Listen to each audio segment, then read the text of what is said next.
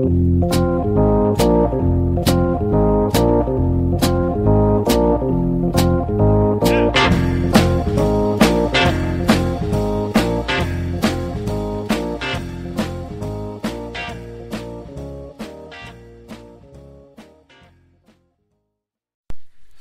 och välkomna till Bröla och Böla podcast. Eh, idag så gästas vi av eh, ingen mindre än Linus Bjarnelo. Tja! Tja! Återigen, vi sitter hemma hos någon och vi sitter, sitter hemma hos Linus. Eh, så va- Berätta, berätta vad du sa till mig innan när du kom hit. Eh, att eh, det här är ett riktigt klassiskt hus. Ja. Så här, riktigt så här, man tänker en riktig mördarhiss Ja. det, det är sån här, ja, det, är en, det är en riktig Jag gillar det skarpt men det kanske inte Det kanske inte är så säkert för barn. Jag vet inte. Nej. Det, ja, mm. Jag, jag, jag tog det som en komplimang. ja nej, men det ska, det ska du göra. Så, så välkommen hit Kalle då. Eh, hur känns det att vara i ditt hem Linus? Eh, hur, det, hur det känns för dig att vara i mitt hem? Ja hur känns det för dig att jag är här kanske? Ja men det känns bra. Jag känner eh, mig, du känns som en sån där jag brukar ju städa och sånt när jag får hem eh, gäster som inte varit här. Men Mm. jag kände att Kalle känns som en sån som skiter i om jag inte ställer mig och städar på en söndag. Vilket jag inte pallade.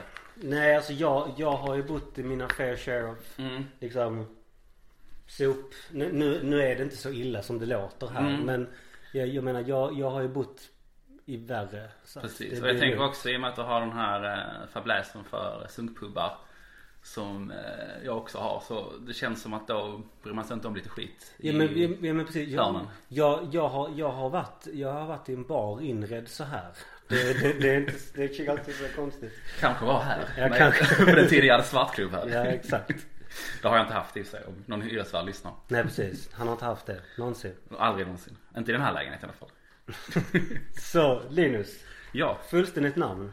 li, eh, med, eh, mellannamn och alltihop Yes. Det- Hela. Då vill jag bara förvarna att det kommer låta mer snobbigt än vad det är.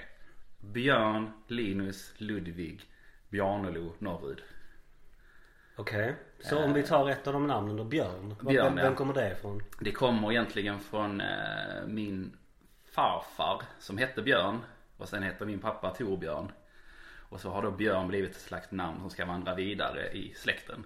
Så när jag föddes så fick jag Björn. Björn är egentligen mitt första namn men Linus är då mitt tilltalsnamn. Som det står. Mm. Så att, så att, men är du döpt till Björn eller är det? Mm, Ja, alltså jag, jag är ju döpt till det som ett första namn att det är När jag har mitt fullständiga namn så är det Björn, Linus, Ludvig. Ja. Eh, Men sen har de ändå valt Linus som tilltalsnamn Så det har alltid varit Linus? Ja. Det är inte något som du bara, nu ska jag...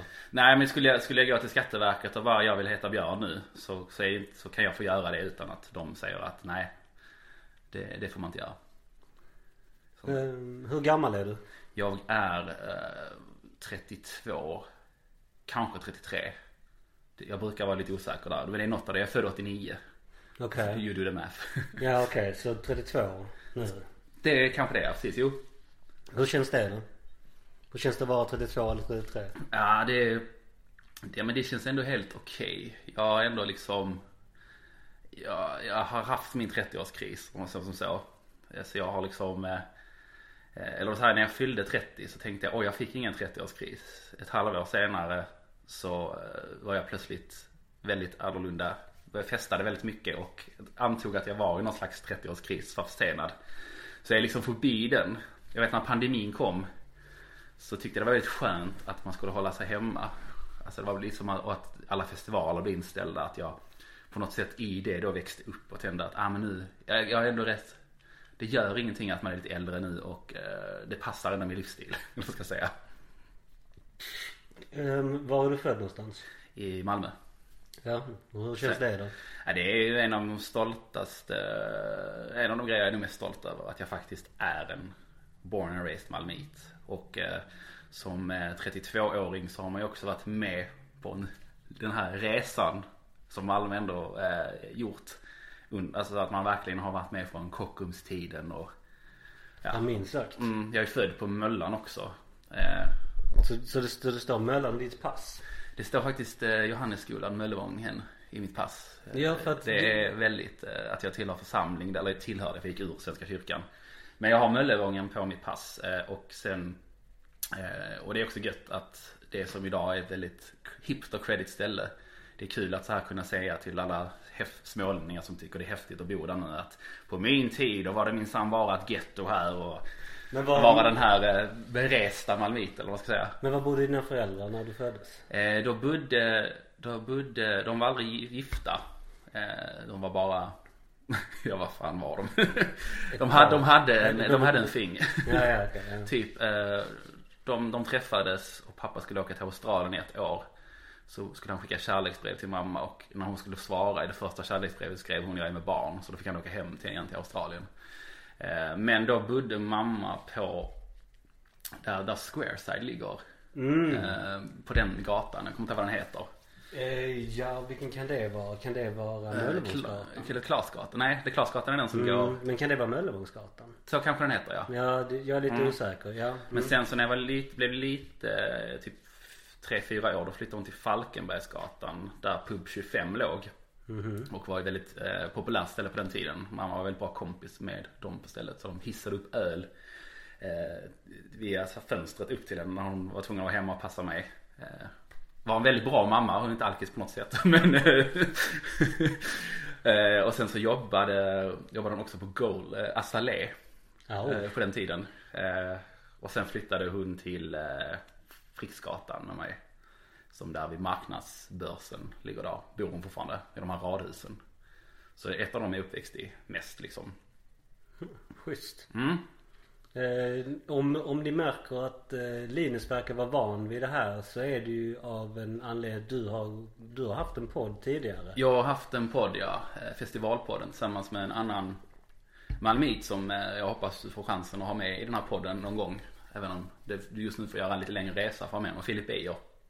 Eh, Han tycker ju för övrigt att det är väldigt kul att när min mamma jobbade på Assalé när jag var liten så sprang jag runt och eh, när hon inte fick barnvagn, bar, barnvagn barnvakt eh, då sprang jag runt och lekte där och började tydligen och alla, alla alkisar, eller de här stammisarna det härliga gänget som säkert är samma gäng som hänger där idag Ja, visst. Tyckte ja. det var så, jag var så gullig så de gav mig pengar så, så här, mynt och sånt och Filip tycker det är extremt roligt att jag var någon slags cirkusapa då på eh, Assalé Det låter lite som min eh, morbrors 50-årsfest. Eh, min morbror, det här var ju över 20 år sedan.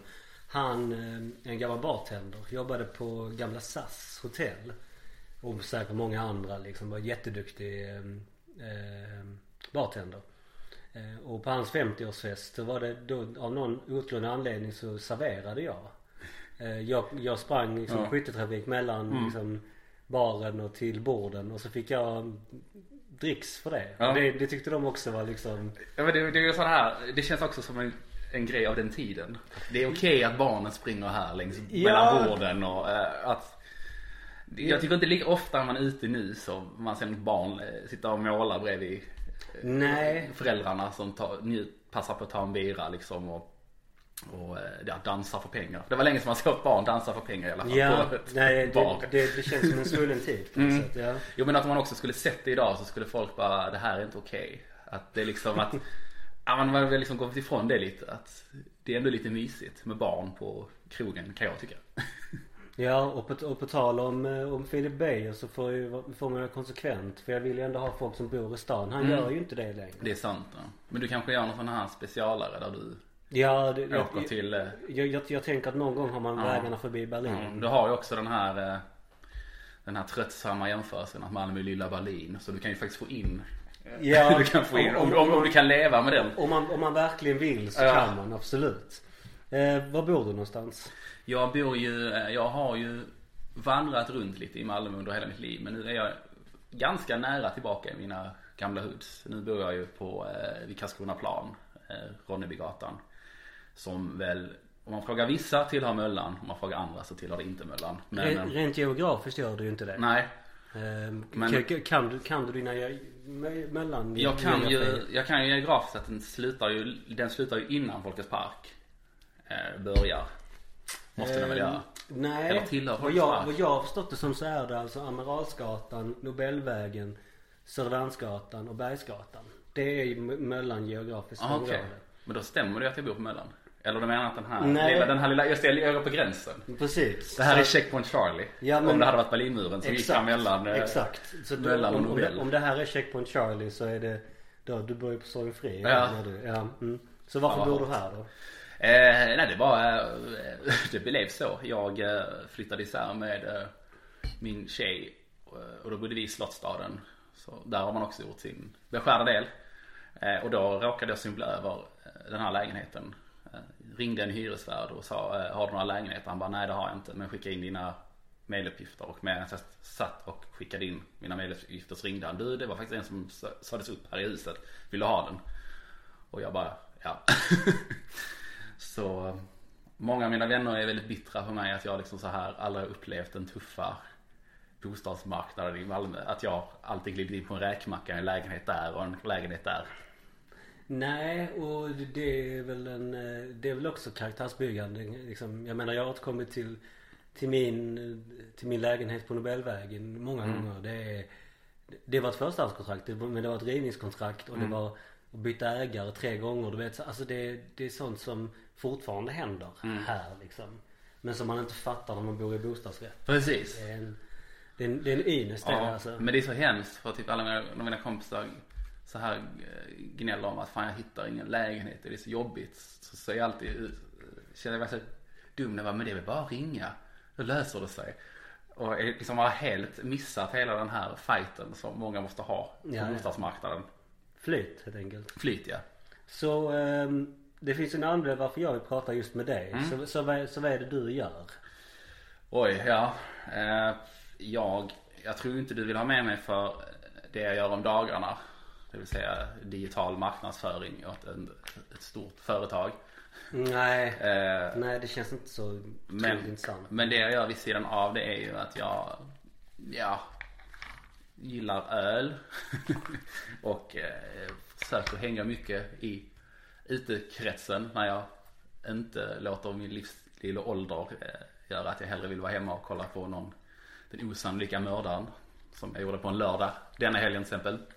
Eh, men utöver det så har jag ju någon slags, eh, försöker så här en sista klamra fast i att, amen, en musikdröm som man alltid haft. Så att nu, nu försöker jag ju också etablera mig, mitt namn som en slags Malmöproducent som gör eh, en sån, sån här hjärndöd elektronisk musik. Och ibland vänder platt, och ibland vänder plattor som det så fejkat heter när man trycker på knappar på en mixerbord. I vissa klubbar. Så du är musiker helt enkelt? Eh, viss, ja, eh, vissa blir arg om man kallar sig musiker eh, när man gör det jag gör. Jag tycker ju att Jag tycker ju själv att producent låter mer Alltså mer brett i vad man gör. Att musiker Eh, jag var musiker när jag var yngre. Jag gick ju på Heleneholm och har ju en musik, gymnasial musikutbildning. Så jag kan ju musik och på något sätt är väl musiker då. Men det jag gör idag så, eh, vill jag ändå ta liksom bredare och säga att ja, men det är någon slags producent. För jag, jag skulle också kunna göra musik åt andra. Och liksom så här, jag är inte så fast i att det jag gör ska vara det som Jag successerar inte bara min egen musik. Jag lyfter gärna andras också och ja men de bitarna. Så jag skulle se mig som mer bred. Ja men vad kul. Eh, så om vi går in på frågerutan då. Mm. Eh, nu har jag faktiskt träffat eh, din, din pappa. Ja. Så det ska bli intressant att se och det ska bli intressant att se vad du svarar på den Mm. här. Eh, vi, Träffar ni en bra miljö också? ja, Bakfickan. precis. Det är, en, det är väl den bästa miljön att träffa, Mm, att träffa ja, någons pappa i. ja. Ja, ja, för all del. Eh, vilka är de sämsta egenskaperna du fått från dina föräldrar? Ehm, oh ja, det, den är bra. Ehm, det är nu jag inte hoppas de lyssnar på, eh, på den här och bara säga vilken av dem. Jag tror Nej, men jag-. Jag tror, alltså jag skulle nog ändå faktiskt eh, ge mig på min pappa här och säga att han har blivit, för sig blivit bättre med åren. Men förr om åren kunde han få sådana sinnessjuka utbrott. Och eh, alltså bara kom från ingenstans. Från att vara lugn till att vara det. Och det är inte det att det händer mig ofta men jag märker att de gånger jag, det händer så kan jag få sådana alltså osannolikt eh, sjuka utbrott. Att jag bara kan skrika rakt ut. Eh, och, och det har jag antagligen fått från min pappa då gissar jag på. Eftersom jag har sett hur han tacklat det genom åren. Att jag nu själv börjar bli en sån. Men eh, på samma sätt som han har jobbat med sig själv och sällan får det nu hoppas jag att jag också kommer göra det. Det finns ju, det- jag tänker det finns väl en Mm. del i, i att jobba med sig själv i att man har en insikt i det. Eh, Exakt. Att man är medveten om det. Mm. Det blir väldigt konstigt om du Det hade varit väldigt märkligt om du hade fått sådana sjuka utbrott och sen inte fattat vad det Precis. på. Sen har man också lärt sig att det kanske är fel tillfälle att få det när man, när man bråkar med eh, sin eh, tjej liksom. Att det är väldigt obehagligt med någon som bara skriker rakt ut från ingenstans. Så där har man ju liksom så här valt att jag kanske ska ha de här utbrotten när jag kollar på meningslösa saker som fotboll eller sånt. Att det är där jag får ut min aggression när jag ser MFF och de inte spelar som jag vill att de ska. Då får jag chansen att skrika av mig lite. Ja, nej jag, jag, jag kommer ihåg senaste gången jag gav av ett riktigt sånt Ja. ärkevrål. Det var när Sebastian Larsson gjorde det frisparksmålet. Fy fan ja. ja Och då, och då, då, låg jag, då låg jag i sängen och kollade. Det var liksom inte, du vet jag var ändå, Mm. Ja. jag var ändå på rätt gott humör. Vi, vi var på väg att vinna. Ja. Och, och så gör han det här målet och sen så gör han det som han gör, springer mot bänken. Och jag bara känner liksom, du vet så jag bara, jag bara lägger, jag bara lugnt och stilla lägger undan liksom datorn. Och sen bara vänder jag mig om och sen bara skriker jag ner Ja. i kudden. Du, Det är bara, helt sjukt jag gjorde typ Alltså nästan exakt likadant. För jag vet när det blev frispark så lämnade jag rummet gick ut i köket. För jag tänkte jag kan inte se det här. Alltså han kommer antagligen göra mål nu. Sen när jag var i köket så kommer jag ihåg att man hörde den här jävla Jesper Husfeldt som jag aldrig glömmer att det var han som kommenterade. Som bara skriker ut en sån här falsettvrålad. Ja. och när jag hörde det så var liksom också så hade jag en sån här kudde på en av stolarna i, i köket. Och jag bara kommer ihåg också, jag bara tog den och bara skrek allt vad jag kunde rakt in i den. Och mådde, alltså så dåligt. det var, det var verkligen sån här Exakt.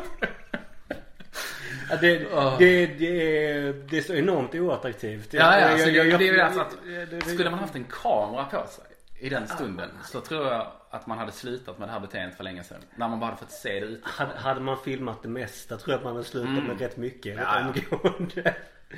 Min, min flickvän kan ju inte, om jag kollar på fotboll, MFF hemma, då kan inte hon vara i samma rum för hon tycker att det är så oattraktivt när hon får se, får se mig få de här vrålen och att det liksom, hon bara, jag, jag vill, jag vill, det är inte så jag vill se dig som Linus. Den här alltså, primalskrikande. Min sambo har fått en, eh, ett intresse för, Mm. för, för alltså såhär litet intresse. Aha, hon, vill ändå, ja, hon, vill, hon vill ändå kolla med mig. Mm.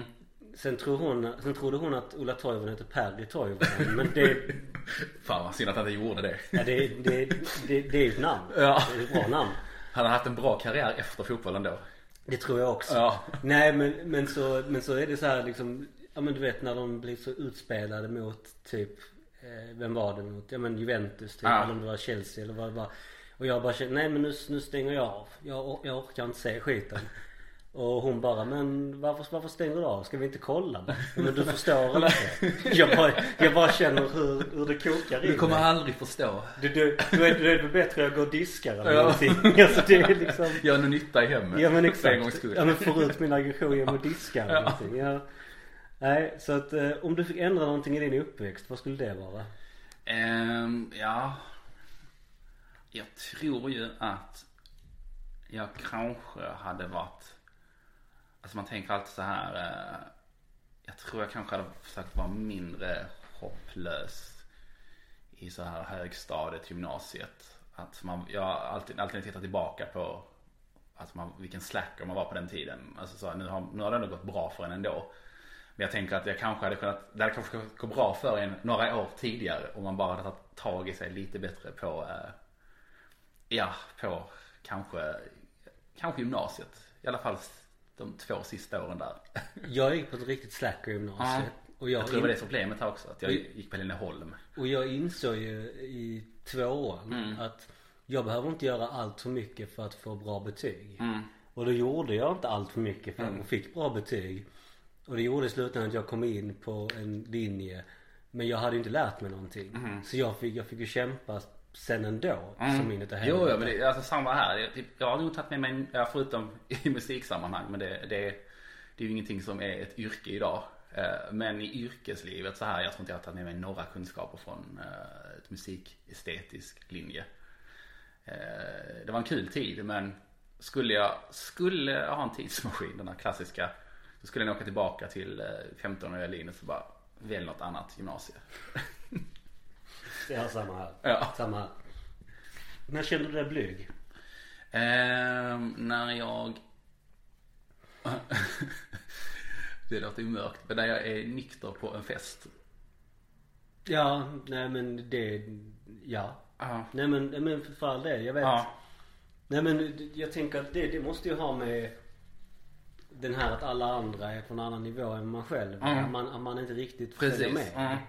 Ja men jag, jag hatar den där stunden när man anländer till en fest och eller till ett sällskap där alkohol är inblandat och man märker att jag är den enda här, jag är på en annan nivå än alla andra här nu. Och eh, ja, jag, tycker bara, då, då kan jag, då blir jag liksom blyg. Det är lite som, om du sett den här filmen nu med Mats Mikkelsen. Mm. Nej jag har inte sett den Ja. än men jag, jag vet ju premissen. Mm. Alltså hela den premissen, jag kommer när jag satt i bion och såg den så tänkte jag bara alltså det här är ändå ingen, det här är ingen dum teori. Det känns, det känns som att, ja men att det, det finns någon blyghet i när man är 0,0 eller någon slags osäkerhet. Så man behöver bara den här lilla, lilla knuffen för att Mm. Ja men det, det, är en, det är en intressant teori för att Mm. den går att applicera på, så, på väldigt många känns det som i alla fall. Att det är, en, det är en hög igenkänning. Ja, exakt, Sen så är det en dansk film. Jag tycker danskarna kanske är... Ja, för dansk, sen är det bra om danskarna behöver för de är väl alltid fulla så att De, de, har, de har ju, ja, ja, ja, de föds ju med 0,2 promille i kroppen. Annars så blir de ut, eh, annars blir de eh, så här bort. Man lämnar ut dem i skogen. Ja exakt. Att, nej, nej han var, han var inte, han var inte full istället för att klippa navelsträngen när de föds så kommer man så här promille så de får blåsa i och bara Nej nej. Ge honom stark Ja. Han behöver en gammeldansk kno. Har du någonsin blivit sviken då?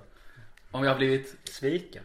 eh, Jo men det har man väl blivit eh, eh, Några gånger Något kärlek- konkret i kärleken. I kärleken. Ja, ja. Mm. Usch Vad är det värsta som skulle kunna hända dig? Ja, men det värsta som skulle kunna hända mig det är väl att Nej men det är väl att eh, Ja men det är Alltså det Det livet man har lever och bygger upp som jag ändå är ganska nöjd med. Ja men det raserar liksom. Eh, det, det, det hade ju varit jobbigt. Eh, vad hoppas du att andra ska komma ihåg dig för? Alltså jag, jag, vill, jag vill typ En del av mig vill att folk ska komma ihåg mig som så här. Ja det var en störig jävel ändå. När, när, när, du, när du på något sätt har lämnat den här festen nykter. Ja. Det var en större det var en störig jävel. Alltså det är så här att Jag tror, jag tror att man, man är nog Det är nog lätt Det kommer att vara fler som kommer ihåg en när man är död. För att man var en störig jävel än fler som var, han var, han var helt okej kille Att, ja den där var en störig jävel ändå Har man gjort ett intryck? Ja Tänker jag. Det är väl det, är väl det, det, som det, gör- det är ibland är det roligare att göra ett intryck av att man har gjort någonting störigt än något bra. Ja såklart. Mm. Det, det, det, det är självklart. Ja. Absolut.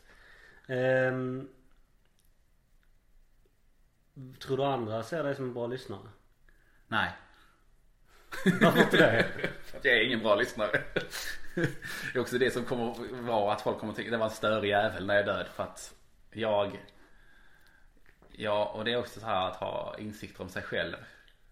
Som vi snackade om innan att ja, jag är medveten om att man kan vara arg ibland. På samma sätt är jag medveten om att om jag träffar nya personer Alltså de har 10 sekunder på sig. Annars, om inte någonting intressant kommer ur de 10 sekunderna. Då bara zonar jag ut. Men, Och sen kom, så är jag inte där. men kommer du ihåg första gången vi träffades? Ja men du var ju uppenbarligen intressant. Ja men, Eftersom men, du, men, du, du klarade 10 sekunders men, men, kommer, men kommer du ihåg vad det var jag gjorde? Eh, jag kommer faktiskt ihåg första gången vi träffades face to face. Eh, det var på Family Pub och då var jag kanske en öl för mycket in. Mm. Eh, och jag kommer ihåg att jag, det tog mig typ några sekunder och fatta vem du var. Men jag såg på dig att det var redan var för sent. Att, att du hade redan, när jag väl insåg vem du var. Eh, då hade du förstått att jag de här första sekunderna inte visste vem du var. Så hela det mötet, jag, jag upplevde, när jag såg det mötet efteråt upplevde jag att, nej fan jag, jag, här gjorde inget bra intryck. Eh, att fan han, han, han, han förstod ju att jag inte först visste vem det var. Och att jag ändå försökte spela att jag visste i den stunden. Så, så, så, så den här... Att, Så det kan ju också vara så andra gången vi träffades att jag försökt överkompensera för den. Och att även om du hade sagt något ointressant på de tio första sekunderna. Uppenbarligen gjorde det för jag kommer inte ihåg vad du sa. Men att jag ändå, äh, här får jag, jag får ge han lite mer tid.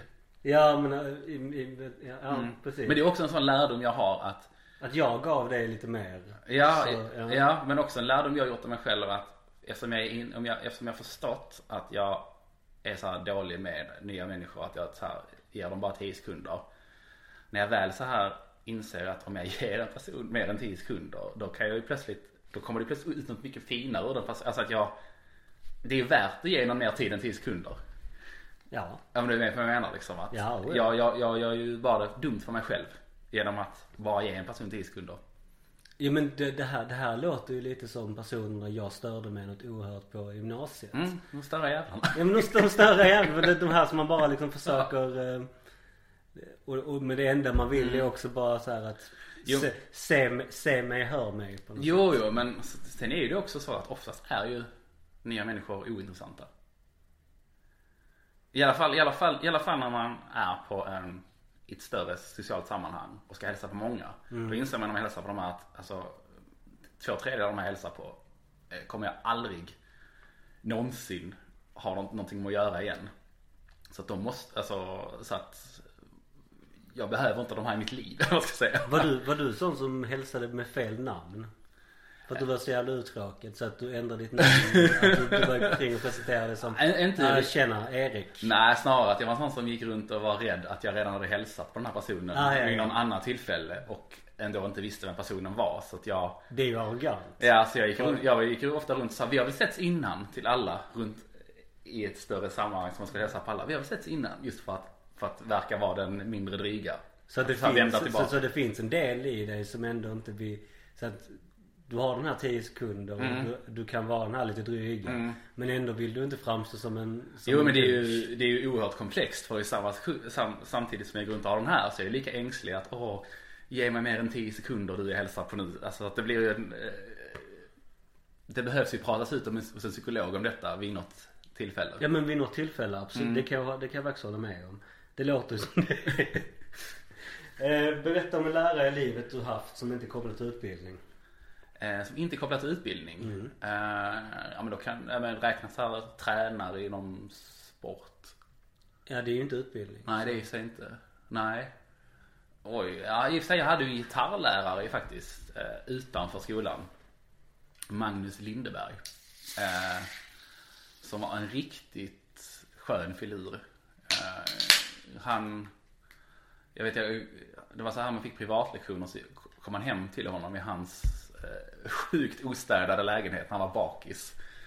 Och så typ så, och liksom han, han var liksom Han gav ju inte folk mer än 10 sekunder på fester. Alltså han var verkligen så här.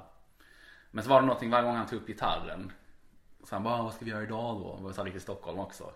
Så sa han, ja men jag fan vi, vi höll på med den här låten förra Men gången." var han typ som gitarrläraren i eh, Eva Adam?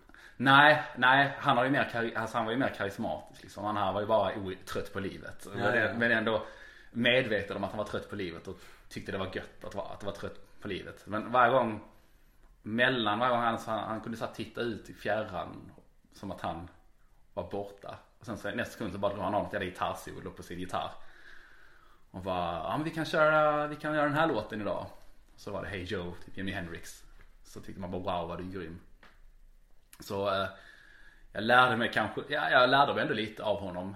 Eh, Om livet? om, om livet. Jag lärde mig att ah, det är så här det kan vara ungkarl när man blir, när man kliver ut i vuxenvärlden. Men istället för en gitarr så har du ett, ett DJ Precis. istället. Ja. Mm. Men det jag faktiskt lärde mig var ju faktiskt att när jag kommer ihåg när jag skulle söka in på Hässleholm. Eh, så skulle man göra en sån här eh, uppspelningsprov. Mm. Eh, som en del av intagningen. Och då sa han liksom att vi, vi kan kombinera två låtar. Eh, så att, så här, så att, att vi liksom så här satte ihop två låtar. Och det för en 14-åring som bara lyssnade på hårdrock vid den tiden. Att bara wow, ja man kan sätta ihop låtar. Det har ju på något sätt blivit det man gjort sen när man hållit på med DJ. Alltså att han gav ändå någon slags första insikt till mig att man kan ju faktiskt kombinera musik som är på ett jävligt coolt sätt. Så att eh, det var ju, ja. Så det, det gav han mig i livet väl. Vad har du svårast att acceptera hos dig själv? Eh, att jag... Vi har redan avhandlat det visserligen men mm, ja. Det handlar om mitt hår? Vi, vi kan gräva lite mer. Ja. Jag skulle säga att det jag... Det är en sån grej om man går tillbaka till det här med att vara 32. Alltså man märker ju att man får mindre och mindre hår. Och det är väl en sån, det är en sån grej. Och att man blir mer och mer sliten på andra ställen och plötsligt måste man ha ansiktskräm varenda jävla kväll för att inte ens huvud, ansiktet bara ska bli helt söndertorkat och ens tänder börjar, tänder börjar ruttna liksom. Alltså just sådana här saker. Att, jag menar att ens kropp. Alltså jag har aldrig behövt, jag har aldrig brytt mig om min kropp innan men helt plötsligt så bara gör jag det. På ett sätt som jag inte gjort innan. Um, vad har du störst risk att bli beroende av? Eh, morfin. Morfin? Mm. Mm. Det har, ja. det har varit mycket morfin? Ja men du vet den här Coquiliana, den här hostmedicinen. Mm, mm. Det har varit några vänner med den när man var yngre. Och ja, ja. Där man varit lite för glad i den. Och då har jag insett att eh, morfin och den typen av, ja men den, den här typen av lugnande. Ja, det är nog det är de bästa rusen jag har haft i mitt liv. Det är så här lugnande grejer. Men då har jag också insett att det här, här, här ringer ju mest varningsklocka. Att, men är du en beroendeperson? Eh, Nej, alltså både ja och nej. Eh, jag kommer ju från en släkt som är glada i flaskan och sådana grejer. Och andra saker. Eh, men eh, det är också så här. Alltså det är liksom ett kont säga, Ofta så här kontrollerat beroende. Att det finns ett beroende. Men det spårar aldrig ur. Och jag känner ju att jag, jag är ju i liknande liksom spår. Att att man är väldigt glad i att dricka öl och man är liksom Ja man är glad för det livet men det är sällan jag så här vaknar upp på en parkbänk och inte vet varför jag är där och, och sällan typ aldrig då. Mm, men att så här det finns alltid Jag märker mig själv att det finns ett stopp liksom. Att om jag jag är typ ute på en AV och kan, ja men druckit några öl och så bara känner jag att ah, nu, nu, nu pallar jag inte mer idag. Nu går jag hem och chillar i soffan. Och, och den, jag, jag, jag liksom så här när man tittar på det, jag, jag ser aldrig att jag kliver, kliver över den gränsen liksom. Att den blir aldrig fler och fler liksom. Men har det kommit med åldern också? För det, för det, för mm. det känner jag. Att mm. det är liksom Desto mer Desto äldre man blivit desto mer Påtagligt har det blivit man, man faktiskt kan säga stopp mm. i sig själv. Mm. För dels, dels så vet man vad som händer dagen efter. Precis. Mm. Men, men, men, ja, men, precis, men, men, också, men också det att man, har konsekvenstänk där ju. Man uppskattar mm. sin sömn. Mm. Ja men ditt konsekvenstänk där ju liksom att om jag tar den här ytterligare ölen nu på den här onsdagen så kommer jag ha ett helvete på jobbet imorgon. Låt mig slippa det liksom. Och det är jättelätt grej att slippa det. Det är att inte ta den där ölen. Eh, men jag, jag märker då så här, med, så att de bästa rus jag haft i livet är på lugnande. Och det är ju för att, och samma när man tar en öl liksom. Att man, jag känner ju att jag blir en rent, rent med, inte med, med mig själv men mer att jag, jag kommer ner i någon slags lugn. Men du kände, som jag inte har i Men du kände ju igen det i en runda till. Mm. Jo men det, det kanske är där den kommer då just att jag, jag går och strävar efter de här att ligga på en, ö, ö, på en ja, en högre promille än vad man i genomsnitt är på. Men det är ju, det är ju en slags, det, det kan ju rulla ut ett beroende. Jag menar med att man är medveten om att det finns ju någon slags ja, beroendegräns där. Och, mm. och på tal om beroende ska jag bara snabbt springa och hämta en öl. Ja precis.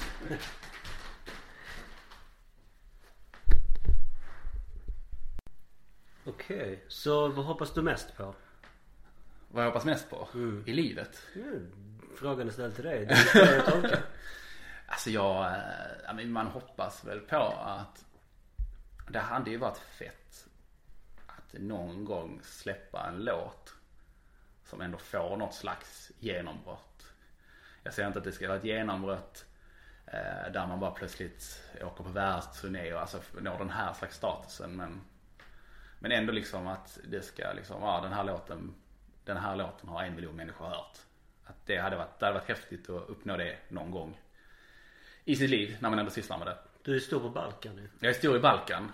Ja, det hände ju faktiskt. Jag släppte ju en låt i, i juni. Var det. Eh, Och den, den har ju, den har ju vid ett tillfälle spelats på Maskot.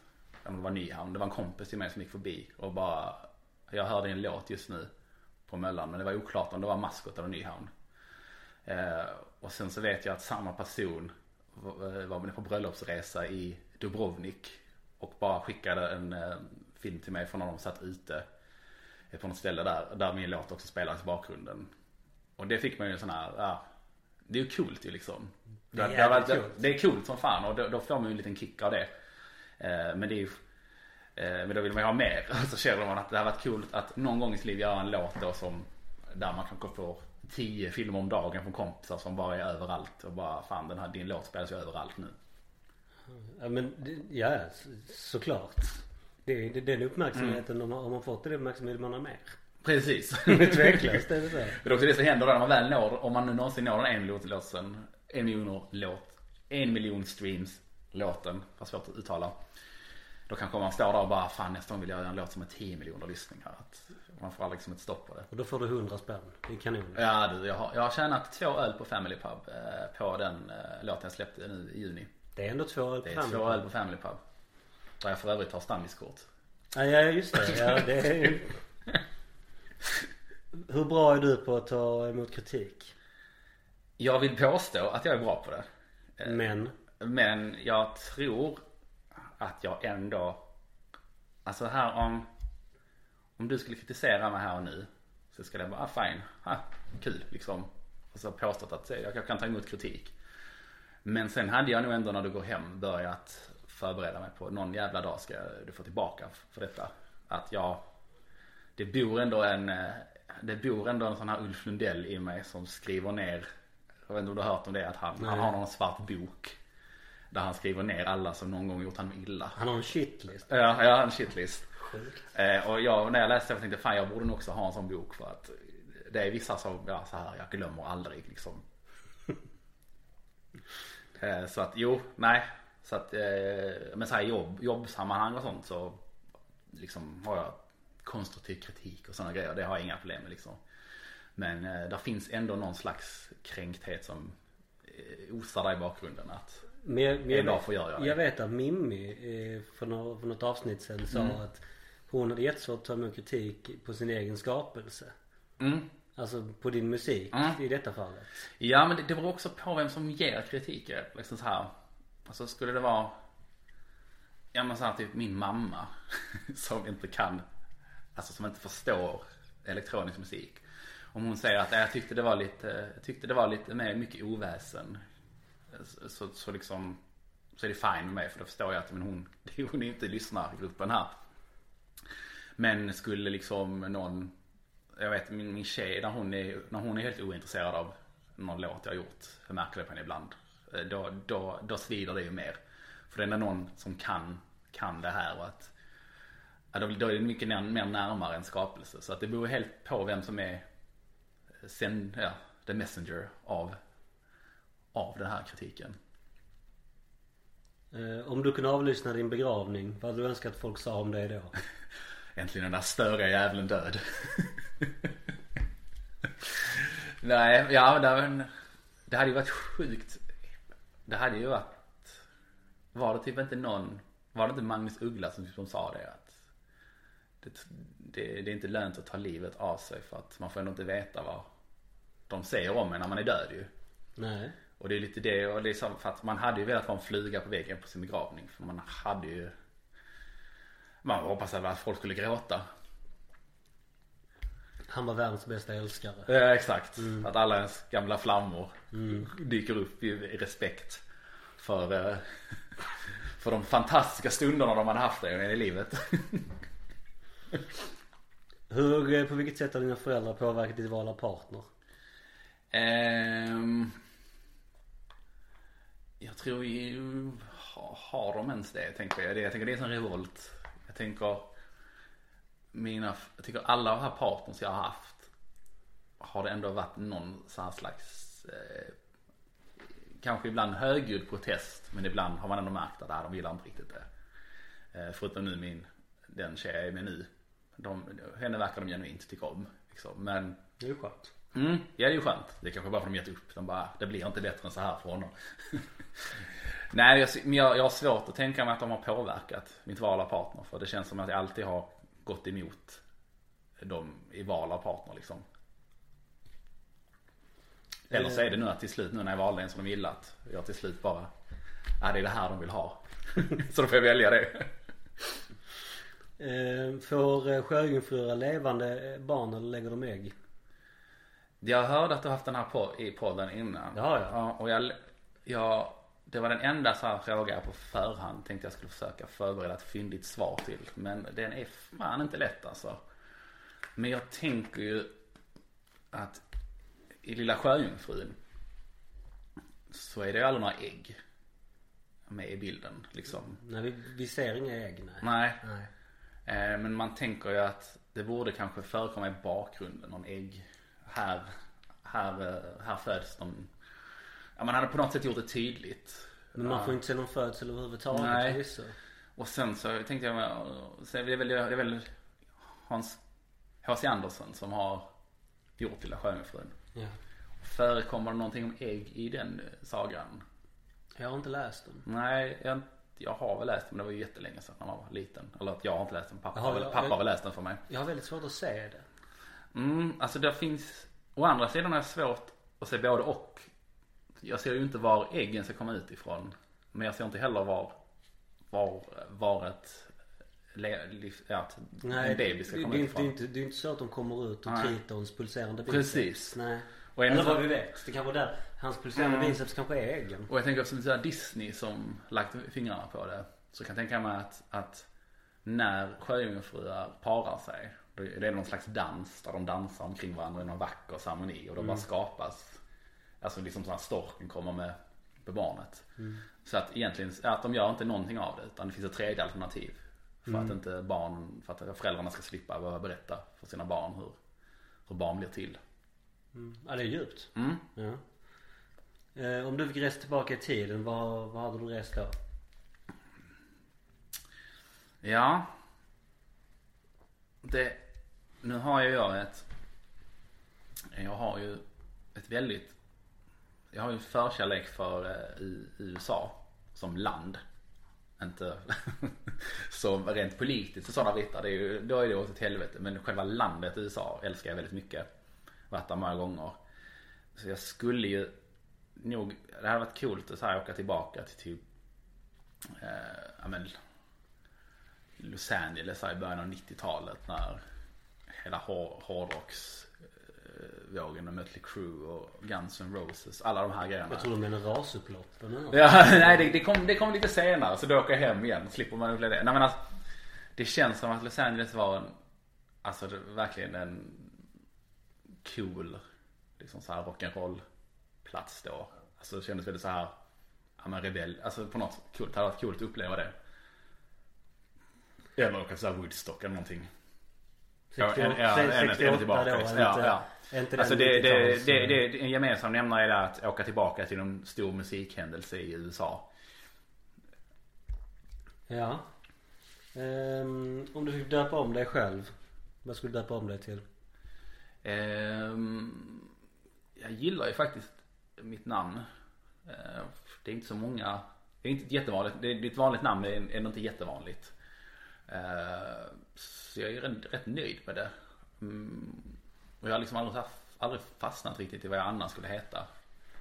Ehm, jag har nog faktiskt ingen bra svar på det. Det är kanske att jag byter namn till Björn så småningom. Mm. Ja, f- För att hedra min farfar. ja, men, ja, du skulle kunna Björn. vara en björn också. Ja, ja många har sagt att jag är lite som en björn ibland och så här, att lite mysig, mysig björn liksom. så jag kanske bara ska gå all in. Björn Bjarnelo. det, Det klingar ju, klingar det, det det. låter som en författare. Ja. Vad är det konstigaste en gäst har gjort i ditt hem? I, I det här hemmet har det inte hänt så mycket konstigt. Ja men överlag. Mm, överlag. Jag bodde ju i ett kollektiv eh, vid Caroli när jag var typ 21-22. Eh, och där hände det ju väldigt mycket konstiga grejer. Eh, men jag tänker så här grejer då som jag kan avslöja i en podd. Jag får välja någon av de grejerna. Ja, men det var ju kanske väldigt konstigt att min roomie hade en, en cannabisodling i sin garderob. Eh, jag vet inte, hör det till vanligheterna? Att jag är inte så bevandrad i, Jag, i, jag, i, den, i den kulturen. Så att, jag har inte sett det men det, kan, det kanske är. Mm. Ja, jag vet inte. ja, jag kan väl säga det som att det är, det mest vanliga. Att ja, men alla har väl en sån i garderoben. Eh, Men jag, jag tyckte det i alla fall var väldigt märkligt när jag, när jag kom in i hans rum. Och, när den var öppen. Och jag bara, vad fan har du där? Bara, men jag odlar cannabis i garderoben just nu. Ja det är ju. Mm. Mm. Sen har jag gjort många, det är ju snarare att jag har gjort många konstiga grejer i andras lägenheter. Jo men vem har inte gjort det? Ja. Mm. Men jag tror, jag tror jag har ju, jag har gjort konstiga grejer med folks lägenheter. Vad, vad, vad som var konstiga grejer i mina lägenheter. Men vad är det konstiga du sett hemma hos någon annan? Eh, alltså vi sätter hemma hos någon annan. Mm. Alltså ja. Nej man har väl gått, gått rakt in i en orgie en gång. På någon fest. Det, det, det Blivit lite kränkt för man inte blev tillfrågad att vara med. jag, jag vet inte hur konstigt det är. Nej det kan vara också normalt. För, för, det, för, Ja. det, för det, verkar, det, det, det känns som att jag har hört det, så här, hört det innan. Bara så att Mm. man bara Det är bara något man vandrar in Ja. i. Vilket är bara liksom och sen, Men sen tänker jag liksom Men vad hindrade dig där och då från att faktiskt delta? Ja, ja men det är också en sån grej att man, man är inte Det är ju där man är, inte- man är inte tillräckligt cool i det läget. Att Nej. man bara Man är ju hoppar det. in. Att det, det är ju där det kommer fram att man nog är lite man, är inte, man är inte så cool som man tror man är. Nej. Och man bara oj, oj förlåt och så stänger dörren igen och bara Det var, det var, det var en gång eh, Det var i gymna- gymnasiet så det var ju länge sedan. Eh, men då eh, Det här var på tiden innan jag hade en smartphone. ja. Så man kunde inte kolla busstiden och sånt på, tele, på telefonen. Så man var tvungen att kolla på datorn. Ja, ja. Och så eh, frågar jag hon som har festen då, Ja. han som har festen kommer inte ihåg. Eh, är det, var är datorn? Jag måste kolla busstiderna. Liksom så. Hon bara, ja, men det är i det rummet där. Och så går jag in i det rummet, det är mörkt och så bara liksom hör jag bara så här, ja. Det, det, det är ett par som har sex Mm. helt enkelt. Och, eh, och de bara, vad fan gör du? Gå ut. Jag bara, vänta, jag ska bara kolla busstiderna. och, på riktigt, och på riktigt sätter igång datorn och går in och kollar busstiderna. Medans det här är Ja men de fortsatte, Ja, de, de bara, de slutar ju. Bara, Ja men det var verkligen bara såhär, jag bara, men jag ska verkligen bara kolla busstiderna.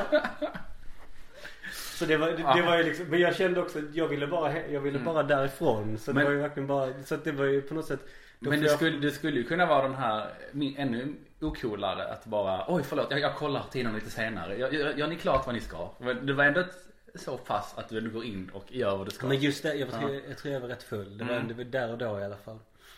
Um, vilken del av en barnfilm är ett djupt sår i dig? Så det är ett tråkigt svar men det är ju när eh, Mufasa dör i Lejonkungen. Mm.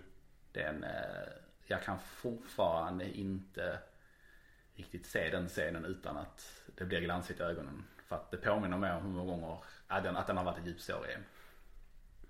Om du blir gripen och ditt ansikte syns på Efterlyst, vad skulle din nära och kära tro att du har gjort? Eh, alltså, de kommer ju antagligen, hoppas jag, tänka att det har med droger att göra. Det, det, det, var jobbigt det att var de min bara, tanke ah, också. nu har han eh, förgripit sig på någon. Det var, det var väntat. Det hade varit jobbigt om det var någon sån grej de... eh, Denna, ja, denna, man, denna mannen greps på Öresundsbron med 20 kilo cannabis. Ja men det hade man Han har inte inställt sig. Ja. Det, Då har de tänkt att bara, ja men typiskt honom. Eh, att han, de, och så hade de varit mer bestörta om det var något sexbrott liksom. ja, nej men det, Men det är här, man, är, man är en av de här, när Paolo och Roberto Ja, radas upp. och- Så man är en av de andra som är gripna där i, på rad. uh, Det hade de nog tyckt var lite jobbigare. Hoppas jag. Det hade varit jobbigt om de bara ja visst han skulle hamna med Paolo där en dag. Det är Linus och Paolo. Ja. Ehm, kan du nämna dina tre favoritalbum? Mina tre favoritalbum? Eh, det kan jag ju nog faktiskt. Det känns ju tråkigt att två av dem faktiskt hänger på min vägg. Nej, det är ingen som de säger inte Eh, det. nej, men det är just också att det är från två av samma artist. Det är ju Daft Punk, deras första album. Och sedan, som jag pinsamt nog inte kommer på namnet på nu. Eh, men sen är det också deras senaste album. Är det inte, heter det inte Technicolor? Nej. Jo, så kanske det heter. Är det inte den Eller vad jag blandar är- ihop den Är med. är inte den där Funk är på? Jo, då är det det precis. Så är det tekniker. Ja. Ja, eventuellt. Tack för att du räddade mig från lite skam här. Kanske. Ja. Ja. men nu säger inte jag att det är rätt. Jag, alltså, jag vet att där Funk är på för, den, det, den är riktigt bra. Ja, det gäller att ha en jävligt bra platta och Mm. den, den, den har ju på något sätt form, Frångett den musiken jag tycker om idag och, eh, och sen är det också en annan platta av dem och det är deras senaste Random Access Memories som jag på något sätt tycker att det mest intressanta som har släppts under ens vuxna liv. Att jag, ja, det känns som att det fanns en tid innan det albumet och en tid efter det albumet. Och tredje platta, då ska man väl dra till med det är så många, det är svårt egentligen att välja. Men eh, jag tycker faktiskt att Cowboys from Hell av Pantera för en sån här eh, ja, resa tillbaka till när man var yngre när jag gillade hårdrock att det är ju en jävligt tung och cool platta fortfarande. Jag lyssnar inte alls på den musiken längre men om jag sätter igång den plattan så är det ändå bara fan. Men man går igång på den som fan. Ja man går igång Jag på det som fan. så här- Alltså man bara Nej men jag, jag, jag lyssnade på Enough Space med Foo Fighters Mm. igår. Eh, från, eh, jag tror det är från Color and Shape-plattan. mm. Och jag bara så här, jag bara går igång så Ja men alltså det, fruktansvärt. det För det, det, Mm. det är så jävla bra. Ja men det är ju samma, det är samma man, man kan, man kan, eh, man kan ta rockar eh, ur staden men du kan inte ta, eller vad fan ja. Alltså det är något så här, det finns alltid någon man, man, man, kan, man kan ta rockaren ur men den släpper aldrig Ja, precis, ja. ja. Att det är när man väl, när man väl drar igång någon sån gammal låt så rycks man med i det och bara ah, det här är fantastiskt. Ehm, har du något guilty pleasure? Ehm, just nu så tycker jag det är väldigt skönt på kvällen när jag bara vill liksom bli av med bara liksom släppa alla tankar och alltihop. Då har jag en app på min telefon som heter Pixel Mania. Som är att man, man ska bara ta, det är bilder som det är rutor med olika siffror. Så ska man färglägga Ska man färglägga då eh, efter siffrorna liksom. eh, Och så målar man fram en bild och då kan man liksom lägga in egna bilder. Typ så här, jag brukar lägga in Pokémons och sitta där och måla dem på kvällarna. Det är väldigt rogivande. Och eh, så det är nog en guilty pleasure jag har just nu. Det låter som det. Mm. Eh, har du, eh, har du några tatueringar? Mm. Eh, och de, de, man ska komma tillbaka till Philip Beijer. Han, han är ju väldigt förtjust i en av dem. Det är ju en dödskalle som jag har på bröstet. Från min rocktid. Jag gjorde den typ tre månader efter jag fyllde 18. Eh, Det var en av de så här första att när jag fyller 18 ska jag göra den här dödskallen på bröstet. Så den, den bär jag ändå fortfarande med viss stolthet på den. Det är den den tiden. stor eller? Den är väldigt stor. Jag kan ju visa den för dig.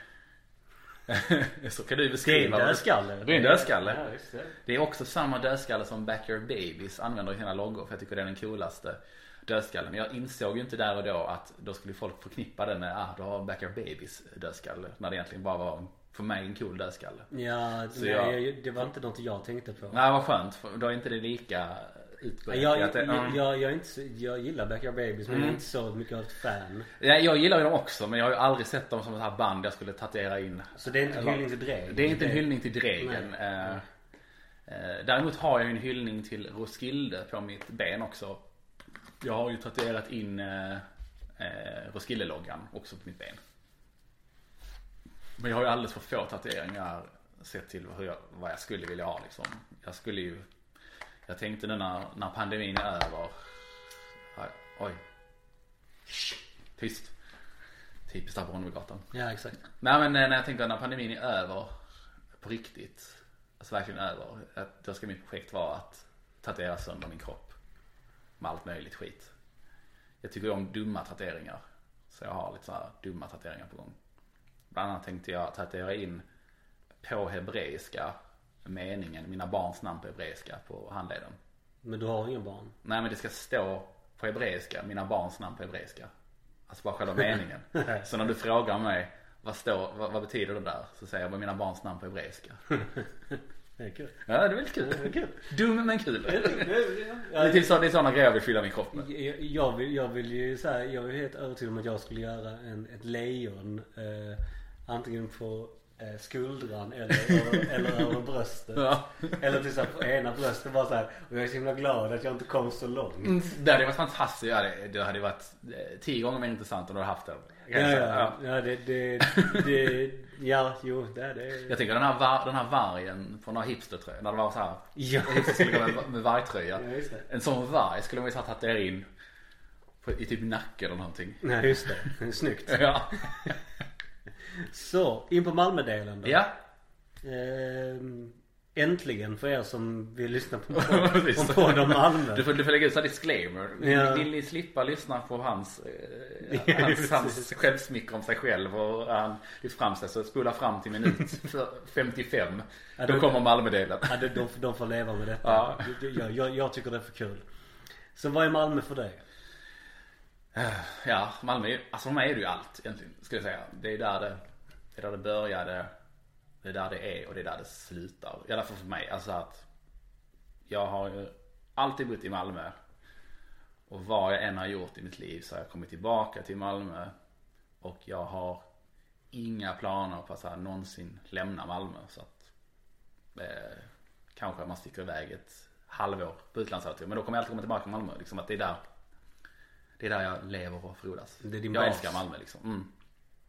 Jag tycker det är Jag tycker det är en av världens bästa eh, städer. Och det säger jag ut, Ja, jag kan säga det utan Även om jag är partisk i det så menar jag verkligen det. Men vad, vad, är det, vad är det som gör det? Eller vad, är det som gör det för dig? Jag menar du, För- du, du sa du har, rest mycket i USA. Mm. Och du har alltså, rest mycket annat låter det som. Och, alltså, Jo men det är ju Det är ju någonting med Alltså partiskheten för all del. Ja. Men, men jag menar Det är svårt. trivs man inte så måste det måste vara någonting som. Mm. Jo men det är ju Har det. du funderat på det? Jo men det jag har tänkt på det för att även i Malmös mest sämsta stunder så är det ju ändå en vacker, alltså här det finns ändå någonting vackert och förbrödrande i det. Alltså jag vet, om man tar ett exempel då när Lasermannen 2 Peter Mangs. Ja när han härjade. Enda gången jag varit rädd för att vara Ja ute i men, ja, men, då, men då, var det, då var det obehagligt att vara i Malmö. Samtidigt, samma dag som de griper honom så vinner MFF SM-guld. Och på kvällen så förbrödras, typ, i alla fall där jag var på Möllan. Och Jag- firade, jag- firade guldet jag- för jag- Maskrot. Jag till Debaser. Ja, ja men alltså man, man stack någonstans och firade. Och så förbrödras staden igen, alltså på ett sätt som var Jag får mig träffade Beijer den kvällen. Det gjorde du säkert. Så att eh, det kan... Packad som en åsna var väl? Säkert. Ja, ja. det var vi alla i sig då. Ja, ja. Men, men alltså, alltså ja. Det kändes ändå som, det är svårt att förklara men det, det kändes liksom som att nu, nu har vi tagit, vi går från det här mörka till plötsligt ha det här att förenas igen. Att det har varit en hemsk tid för mer än halva staden. Bara för att de, en liten dåre råkar, en, en ser ut som han. Men att vi där ändå på kvällen på något sätt ändå är ett igen. Att vi vann igen. Alltså typ den här Ja men det här sättet som Malmö kan skaka om men ändå i slutändan stå starka tillsammans. Enas. Mm. Men, men jag tänker bara så här. Tycker du att MFF förenar staden? Nej, det tycker jag inte. Eller jo, jag tycker inte att MFF gör, alltså som klubb och eh, Men vad, men... Alltså att, alltså att de, alltså jag menar att de som klubb, vad de gör eh, förenar inte staden i sitt engagemang. men Men, om vi- men, vi, Men vi medlemmar vi medlemmar. Ja. Ja. men vi, alltså, nu tänker jag om man tänker Malmö ledning och innersta krets och liksom klubben i sig. Jag tänker, alltså, klu- som- jag tänker klubben som ett, som ett fenomen. Ja, Tänker jag ja, så, fall. jo men det är det jag menar. Liksom att själva klubben som fenomen och vad vi gör klubben till. Det tycker jag förenar eh, förenar liksom staden på ett sätt. Men jag tycker inte att MFF gör sitt jobb för att det är inte de, de kan inte, de kan liksom inte klappa sig på axeln och säga det är vi som har sett till att staden är förenad. Utan det jobbet gör ju vi som eh, åskådare, medlemmar. Jag, tror, jag, jag, jag har av den fasta åsikten MFF skulle kunna vara ännu större Absolut. i, i staden. Mm, absolut. Alltså, jag menar det, det, mycket, mycket av den eh, Mycket av det som kommer från Jag hatar men förorterna, förstår mig Mm. rätt. Det är ju för att spelarna kommer därifrån. Exakt. Ja men alltså Cibicki kommer Mm. från Nydala, kommer från Nydala. Annel och Erdal kommer från Rosengård. Mm. Alltså att det är liksom, men Pavle från Mm. Norrbotten. Alltså liksom, att, att det var, att det blir på något sätt igenkänning i det. För att spelarna har ju i mångt och mycket alltid spelat Mm. staden. Eh, men jag tror att man skulle kunna få det ännu mer. Precis. Att, att man på något sätt, Ja. en, alltså att man blir, man blir in, på samma sätt som, som jag blev indoktrinerad Mm. i det. Så skulle man kunna bli det på andra ställen också. Vilket jag ibland känner kan fattas. Men det är också, det är också som till exempel då när eh, romerna hade sitt läger på eh, Industrigatan. Ja. Då var det ju vi folket i Malmö, staden Malmö som hjälpte. Det var ju inte politikerna. Nej. Alltså, det, är alltså, så att, alltså det är alltid att den högre, den högre instansen gör ju inte jobbet. Eh, det finns liksom en, både i Malmö, MFF och i Malmö stad, folket, vi, en liksom en, en vilja och styrka att förena oss. Men jag tycker att den högre instansen som egentligen ska leda detta och liksom få liksom driva det engagemanget. De gör ju inte sitt jobb där. Alltså att, och, att, så att, och det är farligt för att tänk om vi idag tröttnar på att vara den bärande faktorn. Då faller ju alltihop för det finns ingen högre instans som kan göra det. Nej. Jag tycker till exempel där om man då fotbollsexempel igen. FC Rosengård. Eh, dam, damsektionen framförallt ju då eftersom den spelar i eliten. Till skillnad från den här sektionen. Jag tycker ju de gör ett mycket bättre jobb i ett samhällsengagemang i, i, Malmö, eh, i staden Malmö än vad MFF gör liksom. I att, menar, att de, de är ju ute i förorten på ett annat sätt och liksom har eh, och, och liksom har, ja men de har ju boost och liksom ja, men så här, få, in- få in liksom, få in, få in kidsen på jobbmarknaden och Alltså de bitarna. Och visst MFF har ju sin akademi och hela den biten. Men, Men de för samhället och sånt mm, där, så Men de de- pratar ju aldrig om det liksom. På- Nej. Och, och, och de liksom, det är ingenting som lyfts dagligen på samma sätt som det gör FC Rosengård. Och det faktiskt går hand i hand med typ deras verksamhet. Men är inte det lite också namnet som förpliktigar i det? Mm. Alltså li- lite, alltså lite grann ändå. Jag menar FC Rosengård är ju inte baserad i Rosengård trots namnet. Nej och det är det är ju alltid här, lite skevt. Vad, vad gör de på IP då? Det, är- det är kanske någon sån grej Zlatan skulle byggt när han Ska, de- eh, ska, var... ska, var eh, ska, de- ska de spela på Rosengårds IP visserligen? Det är ju inte... Ja, nej nej men hade Zlatan gjort något ordentligt när han var i stan eh, så hade han ju byggt en arena där ute istället. Ja, Zlatan är ju annan. Det, det, Ja. det är en helt... Men så det, tänker inte han. det, är en, helt- det är en helt annan podd. Det är en annan podd ja. Ja. Ehm, Men eh, vi har ju redan avhandlat det. Vad tycker du representerar Malmö? Den här solidariteten och så. Så jag tänkte Ja. vi går vidare direkt till nästa fråga. Eh, Om en vän till dig besöker Malmö första gången. Vad gör du med den personen då? Alltså de senaste gångerna, och det kan vara för att jag är lat. eh, Så säger jag men kom hem till mig sen går vi till Family Pub. Och så börjar vi där liksom. Men det är Det kan ju vara också för att jag har kompisar som gillar sunkpubbar och jag har svårt att eh, se någon annan sunkpub man ska besöka då eh, som första pub. Man kommer till Malmö första gången. Eh, sen gör jag ju kanske mycket reklam för dem i mina sociala medier och så här så att, så att det har växt en nyfikenhet hos mina kompisar som besöker Malmö att det där stället vill jag spana in. Vad gör du för reklam för då? Nej det är mer att man bara sitter där och alltså det är inte så att jag, jag betalar reklam för dem utan mer att jag lägger upp här har jag det jättegött på Family Pub. Och så känner mina Stockholmskompisar då som det framförallt är att oh där vill jag också ha det gött. Så du gör det du tycker om och inte nödvändigtvis det som... Exakt. Nej, men jag tycker det, jag tycker det representerar ändå Malmö på ett bra sätt. Så den är en bra start.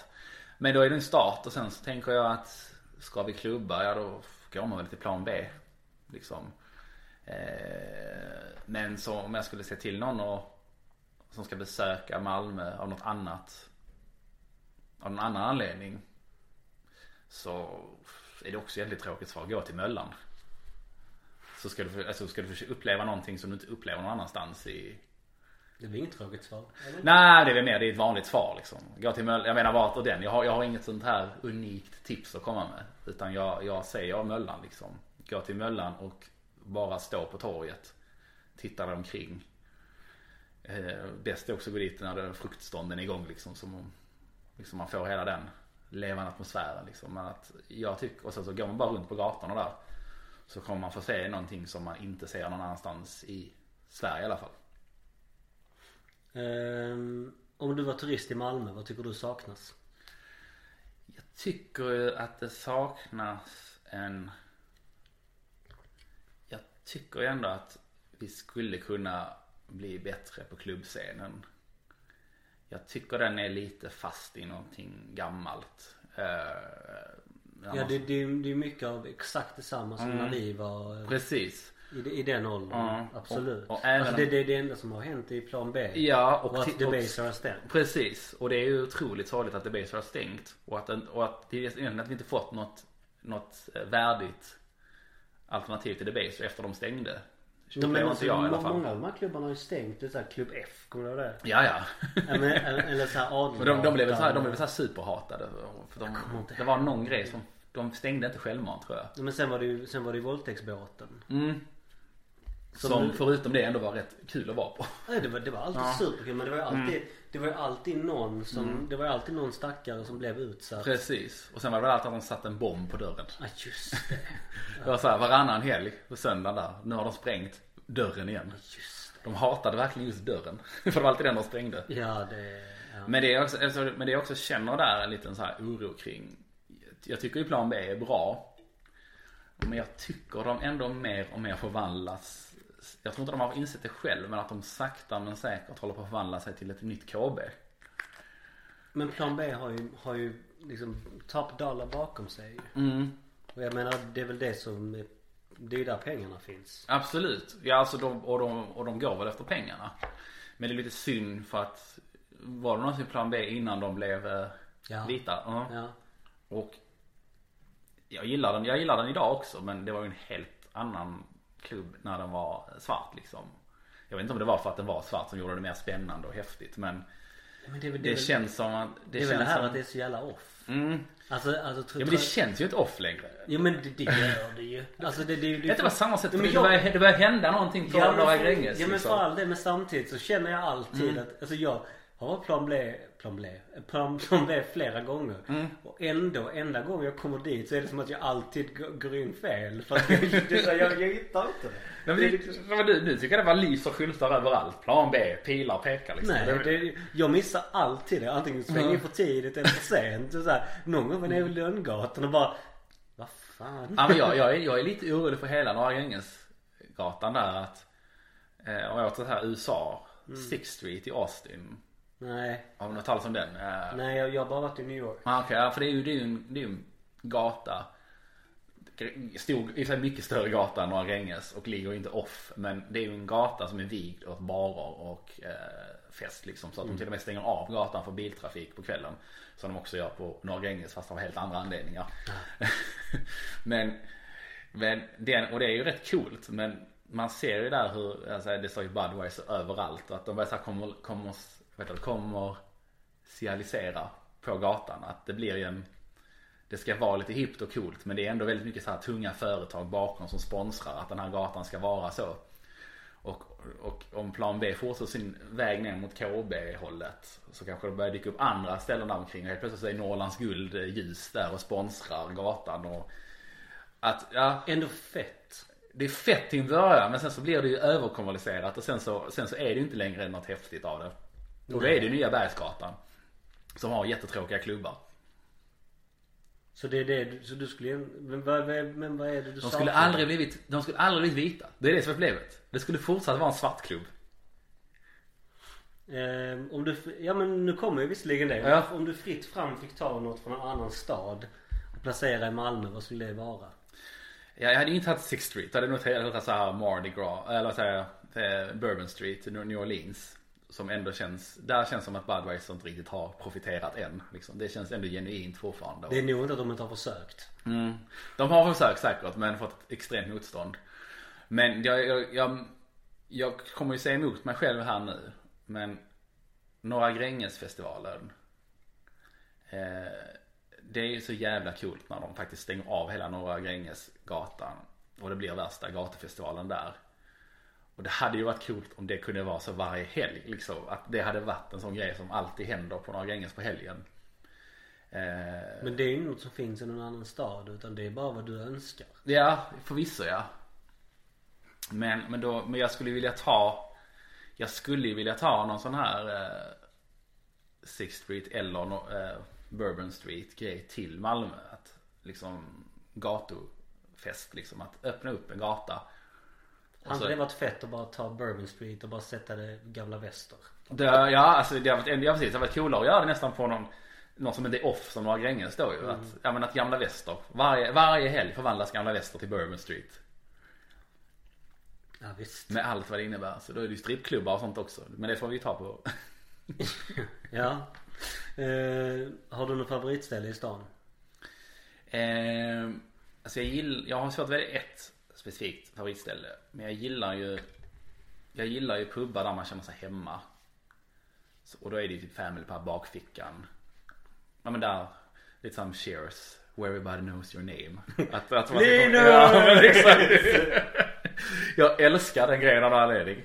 Eh, så att, så att jag mår ju väldigt bra när jag är på Family Pub eller bakfickan. Eh, så i ölväg skulle jag säga det. Restaurangväg. Eh, någon som kommer nära den känslan, det tycker jag ändå casual. Eh, Men det, men det jag- känns som det är viktigt för dig att ha någon lokal pub att gå till. Absolut. Det är det första jag tittar på när jag eh, ska, om jag flyttar. Finns det något, finns det någon pub här som jag kan göra till min stammispub? Och, men hur, hur är du att dricka själv? Ja men det är också en sån grej eh, som jag gillar med de här ställena. För att det, det jag tycker vi är rätt dåliga på. I Malmö är vi nog bättre än vad vi är på i andra ställen i Sverige. Men jag tycker vi, vi är dåliga överlag i Sverige på att anamma det här att ta en öl själv i en bar. Bara för att koppla av. Eh, de är väldigt bra på det i USA och det är lite där min kärlek kom från. Att jag, var, jag kan gå in på den här baren i New York och inte vara konstig för att jag sätter mig här och dricker en öl själv. Så att när, när jag är på ett ställe och inser att här kan man göra det och det är, man är bara ett med alla här inne. Då, eh, då gillar jag det extra mycket. Så att jag, jag, gillar, jag gillar att sitta ensam i en bar med andra ord. Och jag tycker om när stället man är på tillåter det. För jag tycker inte det är så tillåtande alltid i Sverige. Jag reste ut i Frankrike själv. Mm. Eller i, ja, eh, ja, Nederländerna, Belgien och Frankrike själv.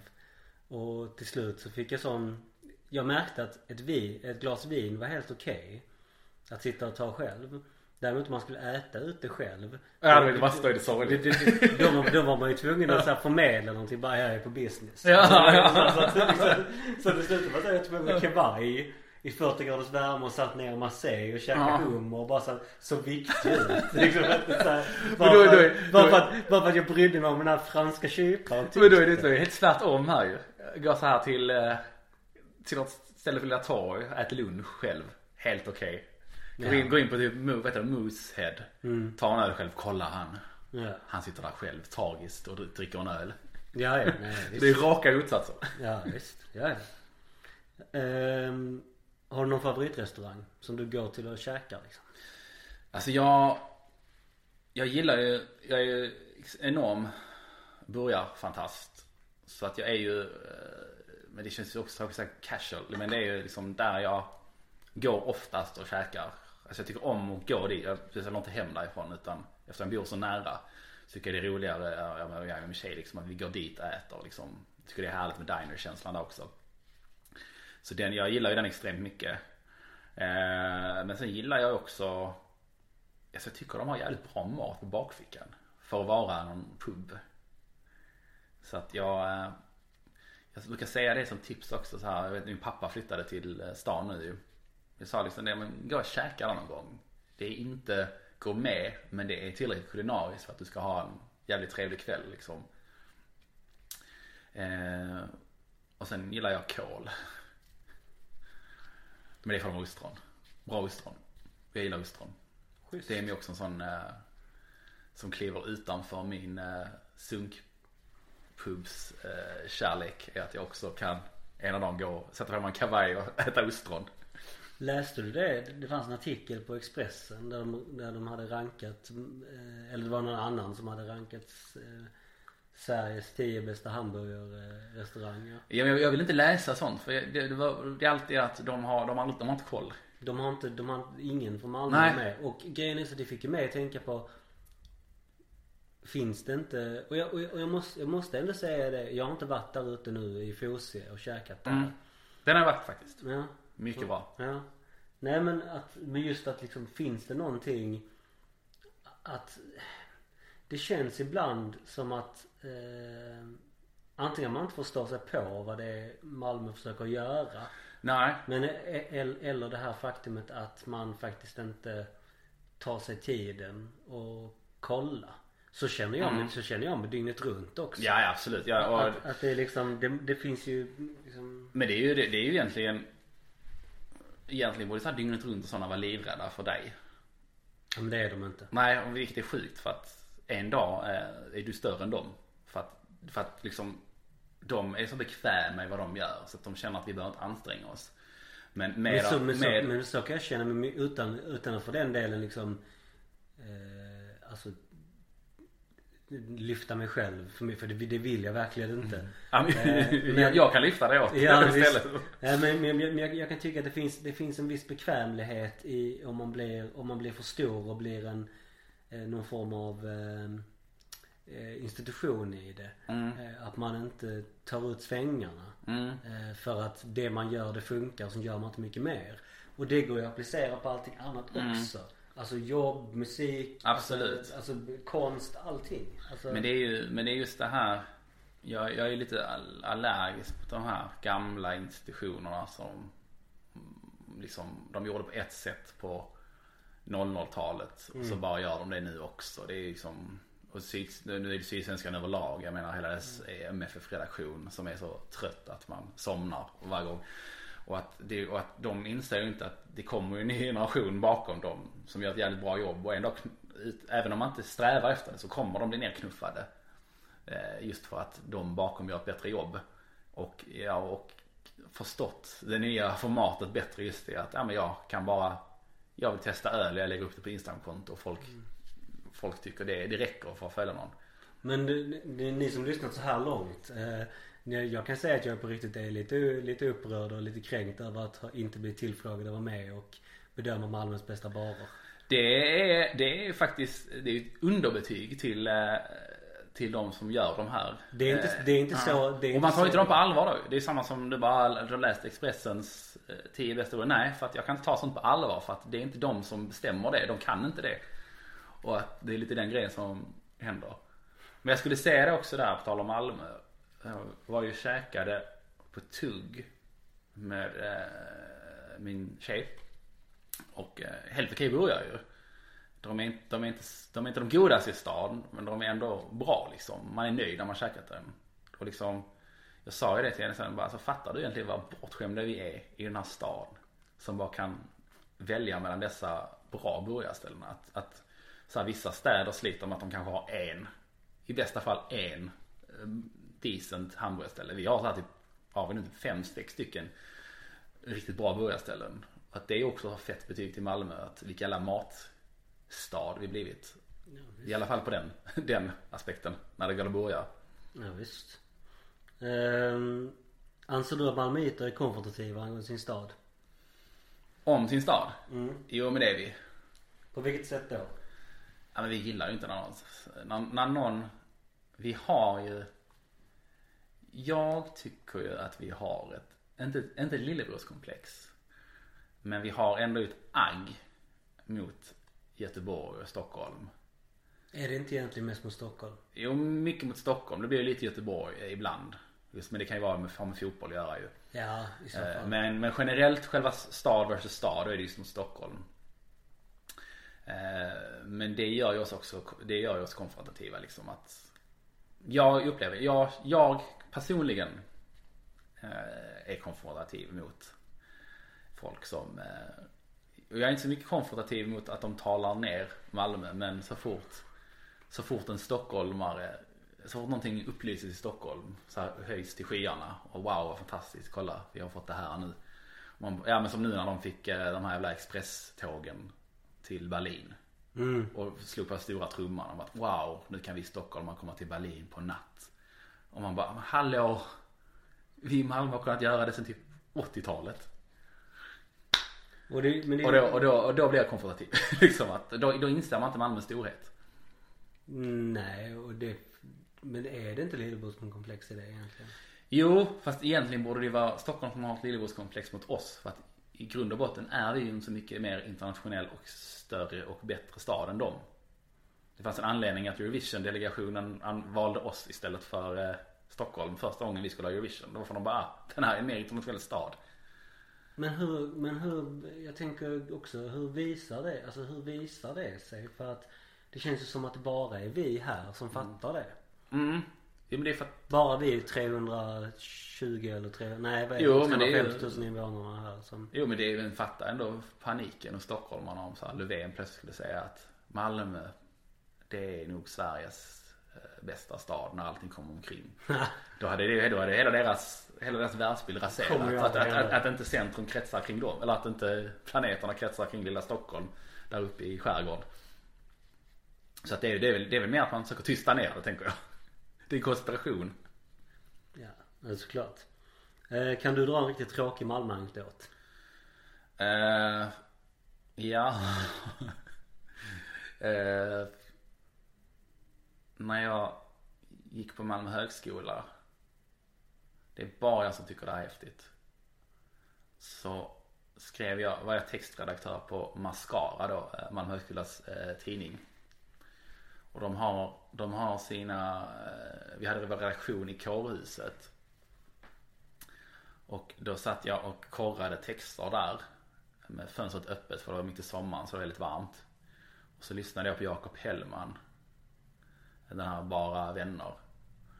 Och då kommer, och så tittar jag ut genom fönstret och då kommer, då går Jakob Hellman ner på gatan. Och inser att, och bara liksom stannar upp och bara, ah, någon, någon lyssnar på min låt. Och tittar upp och så ser han mig. Och så tittar jag på honom. Och så tittar vi på varandra i fem sekunder. Och sen så går han iväg. Det är en riktigt tråkig Malmö-anekdot. Eh, berätta en fyllehistoria från Malmö. Självupplevd eller av en kompis? Alltså jag har en, jag, jag berätt, jag tror jag skrev Vi skulle, vi skulle ju prata om KB. Ja, på ta, ja KB, jag har, jag har ju faktiskt mina bästa sådana här stökiga fyllehistorier från KB. Det var ju en gång när jag var riktigt full på KB. Jag har ett sånt här stammiskort där också. och då går man förbi kön och vakterna, jag tror de har fått instruktion att släppa in dem ändå men de är jättepackade för att annars Så att jag blev ju insläppt där när jag egentligen inte skulle bli insläppt där och var jättefull. Och så står jag på dansgolvet och så får jag en sambuca av en kompis. Åh nej. Och jag, och är aldrig bra. det är aldrig bra. Eh, speciellt inte när man har, har en halv flaska sprit i, i kroppen redan. Men jag vill ju inte vara den som är den så jag sveper i denna men känner, men före, min, före jag reagerar så reagerar min kropp ju på att nej det här, det här vill vi inte ha nu. Så att jag, jag spyr ju rakt ut Det på ska vi inte ha. Nej, så att jag, den här kommer upp, sambucan direkt. Men så kommer också andra grejer som kroppen tänker, ta, ta det här också nu när det ändå är igång. så eh, jag spyr ju rakt på dansgolvet samtidigt som en vakt ser mig. Och han går ju fram och säger, du, du ska ju ut här härifrån nu. Och jag, ja, ja, jag vet inte varför men helt plötsligt så kanske jag är motstånd. För plötsligt så är det fyra vakter som eh, tar tag i mig vars en arm och vars ben. Och så lyfter upp mig eh, ovanför dansgolvet. Så jag, liksom, så jag, jag, jag är liksom ovanför dem när de håller mig. Så att jag är lite som så här Jesus när han, när han bärs längs Golgata eller vad det heter. Mm. Och så alla så här Jesus var pissefull. Ja, har varit pissefull så har de burit iväg honom på korset just sådär. Nej, men så, så jag liksom, jag är ju där och jag liksom inser i stunden att det här är som Jesus. Jag skriker typ jag är Jesus, jag är Jesus. Och så ser jag min kompis typ bara du, är du som förrått mig? Och typ, jag tycker det är jätteroligt. Eh, Och sen så tar de, bär de mig hela, hela vägen fram till eh, dörren och sen så kastar de ut mig. Alltså verkligen, du tänker så här gamla filmer när de skick, Mm. hivar ut någon. Så de hivar ut mig därifrån. Jag så här faceplantar marken. Och sen så ser jag, står jag och bankar på dörren och bara jag har kvar min jacka där inne. Jag ska ha min jacka era jävla fascister. Eh, men ingen öppnar till mig så jag får gå hem utan jacka. Och sen så har jag så här walk of shame dagen efter där jag måste ringa dem och bara ja jag glömde min jacka och säga kan jag komma och hämta dem? Och bara kan du beskriva den för vi, vi ser inte din jacka här. Och jag bara nej men kan jag komma bort och kolla? Jag bara, ja men kom bort då. Går bort och hittar inte jackan. Bara fan jackan är borta. Sen så kommer jag hem och så inser jag att jackan är hemma. Jag har inte haft med mig någon jacka. Från första början. Någon gång under kvällen. Och det är då man bara lägger sig i fosterställning och bara Det har gått för långt nu. Och nästa helg händer det igen. Nästa helg händer det igen. Så. Det var ju egentligen så sista frågan nu. Mm. Så vad händer framåt för dig? Jag, oh det kan jag få göra lite reklam för mig. Jag ska släppa en EP. Eh, med lite låtar jag har eh, roat mig med det, senaste året. Och den planerar jag släppa nu innan året är slut. Eh, typ, det blir väl slut november, december. Eh, det ser jag fram emot. Min första EP. Om man kan kalla det EP när man släpper sex låtar digitalt på Spotify. Ja. Eh, Men så det kommer ju hända. Det, det, det ska bli kul i musikväg. Sen ska jag faktiskt också, när släpper det där förresten? Eh, två veckor. Om två veckor? Ja, då, har jag, då har jag varit på rundgång och eh, kört lite AV. Men när är det? Det är på fredag nu. Ja, Mellan- nej då hinner de tyvärr inte komma ut. Ah, synd. Men det, det är min nästa gång jag ska spela. Och sen så nu när vill jag, ska jag försöka komma ut och spela lite mer nu också när, när man vågar sig ut igen. Och har, har du något DJ-namn? Jag har faktiskt aldrig, jag, jag, jag gillar att köra på mitt namn. Jag är ju väldigt, jag är väldigt glad i mitt namn helt enkelt. Så att jag heter bara Linus Bjarnelo. Så att sök på det på Spotify så hittar ni. Och det är, Mm, samma, det är samma sak på Instagram. Det är samma sak på Instagram ja. Mm. Och Twitter kanske ni ska undvika men det är samma sak. Twitter, eh, vågar man följa mig så finns det på Twitter. Det är där den, eh, det är där den mer extrema Linus kommer fram. den där som många kommer att kalla för en stör, det är där, det är där så där störiga jävel eh, på begravningen kommer sen. Äntligen är han död. Ja, Linus det, det var det. Stort tack för att du ställde upp. Ja men tack själv för att jag fick vara med. Superkul. Tack, hej!